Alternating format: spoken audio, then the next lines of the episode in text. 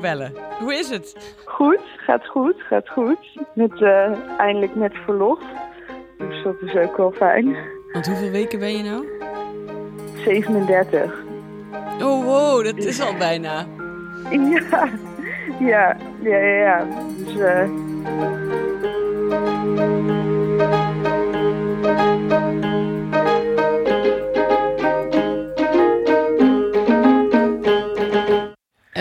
vind het spannend?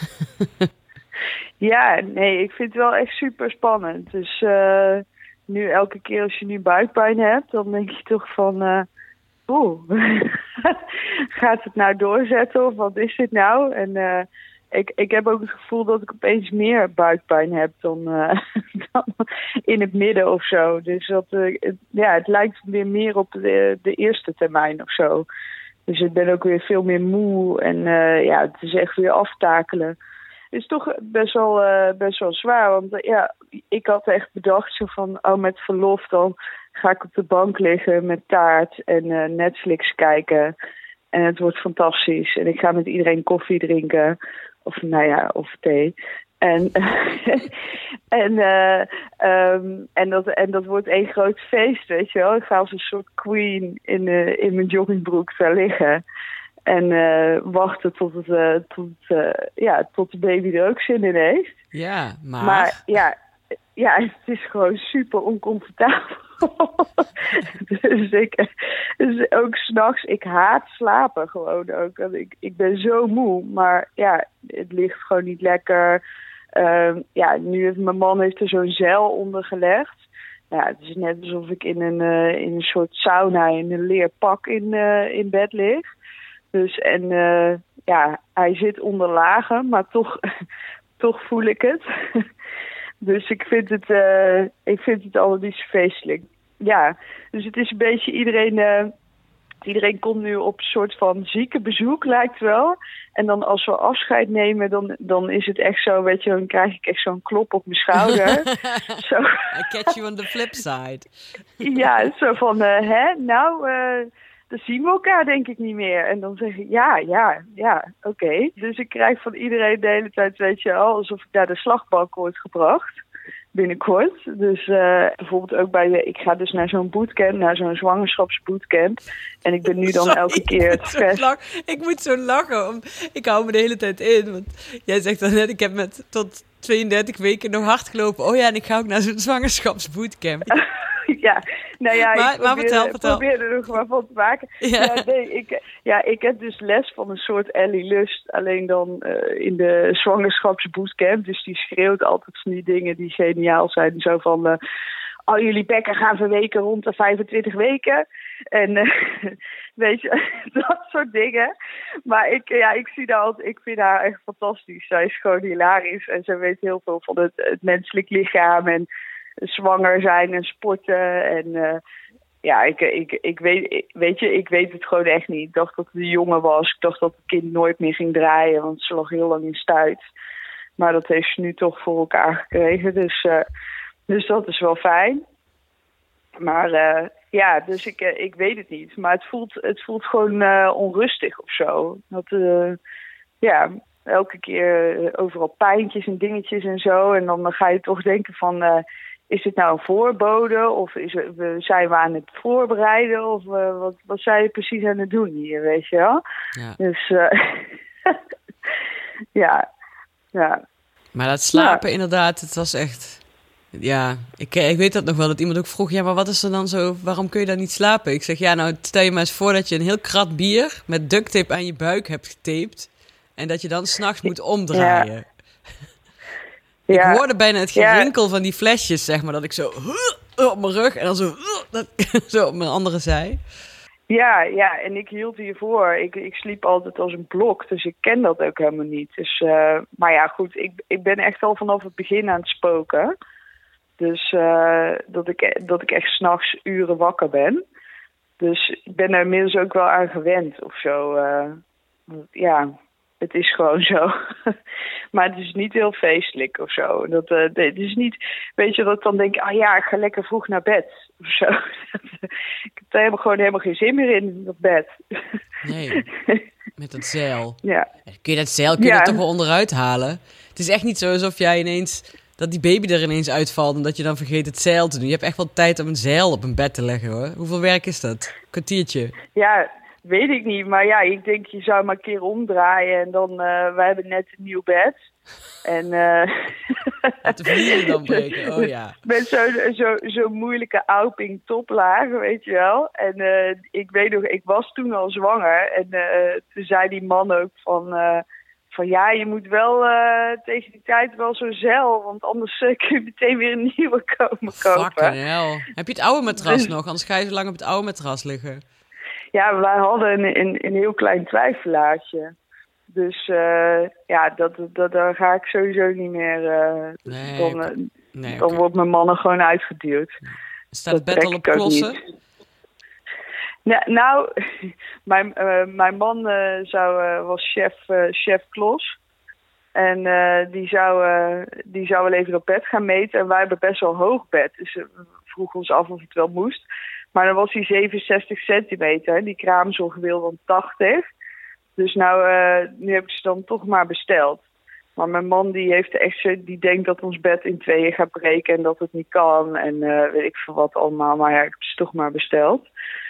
Dus eh, als het goed is, komen ze deze week binnen. Ja. Oh, oh, oh. Spannend. Ja, het is, wel, het is wel geestig. Het is echt in je hoofd gaat er echt iets zo snap.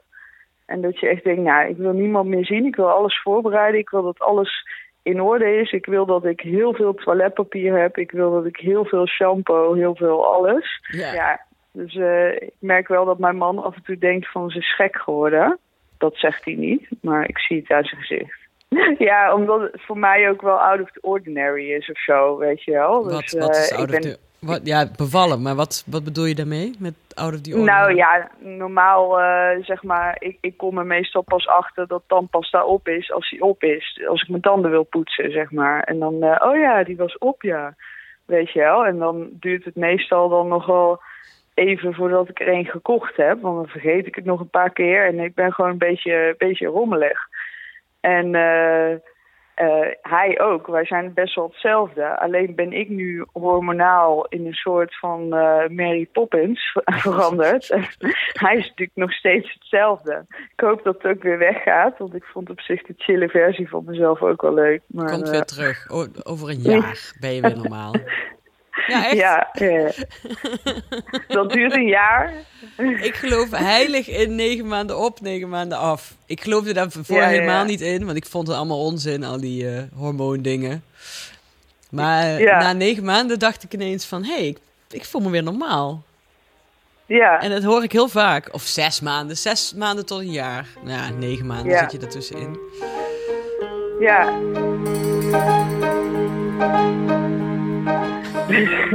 en dan vraag ik me af wanneer ik dan weer in mijn oude patroon eh, ga vallen. Precies.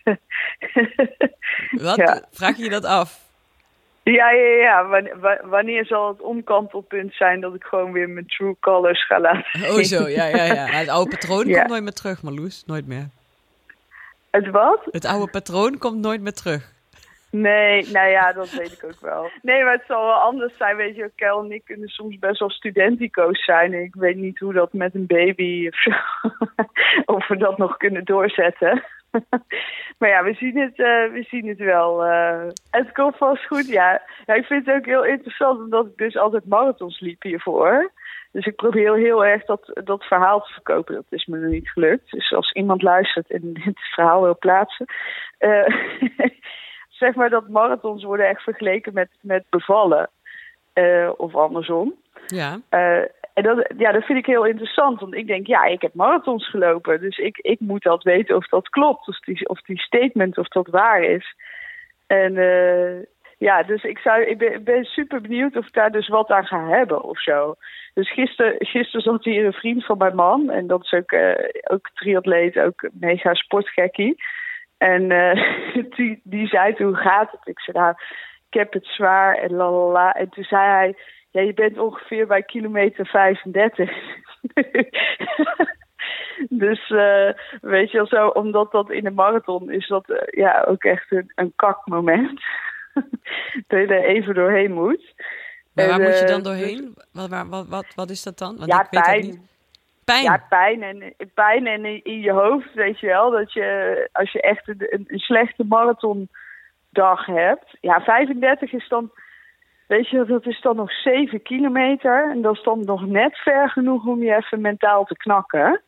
Kijk, als je bij 40 bent, dan denk je, dat is nog maar 2 kilometer. Dan, weet je, dan ga je wel. En dan ga je ook bijna een soort euforisch voelen dat je er bijna bent.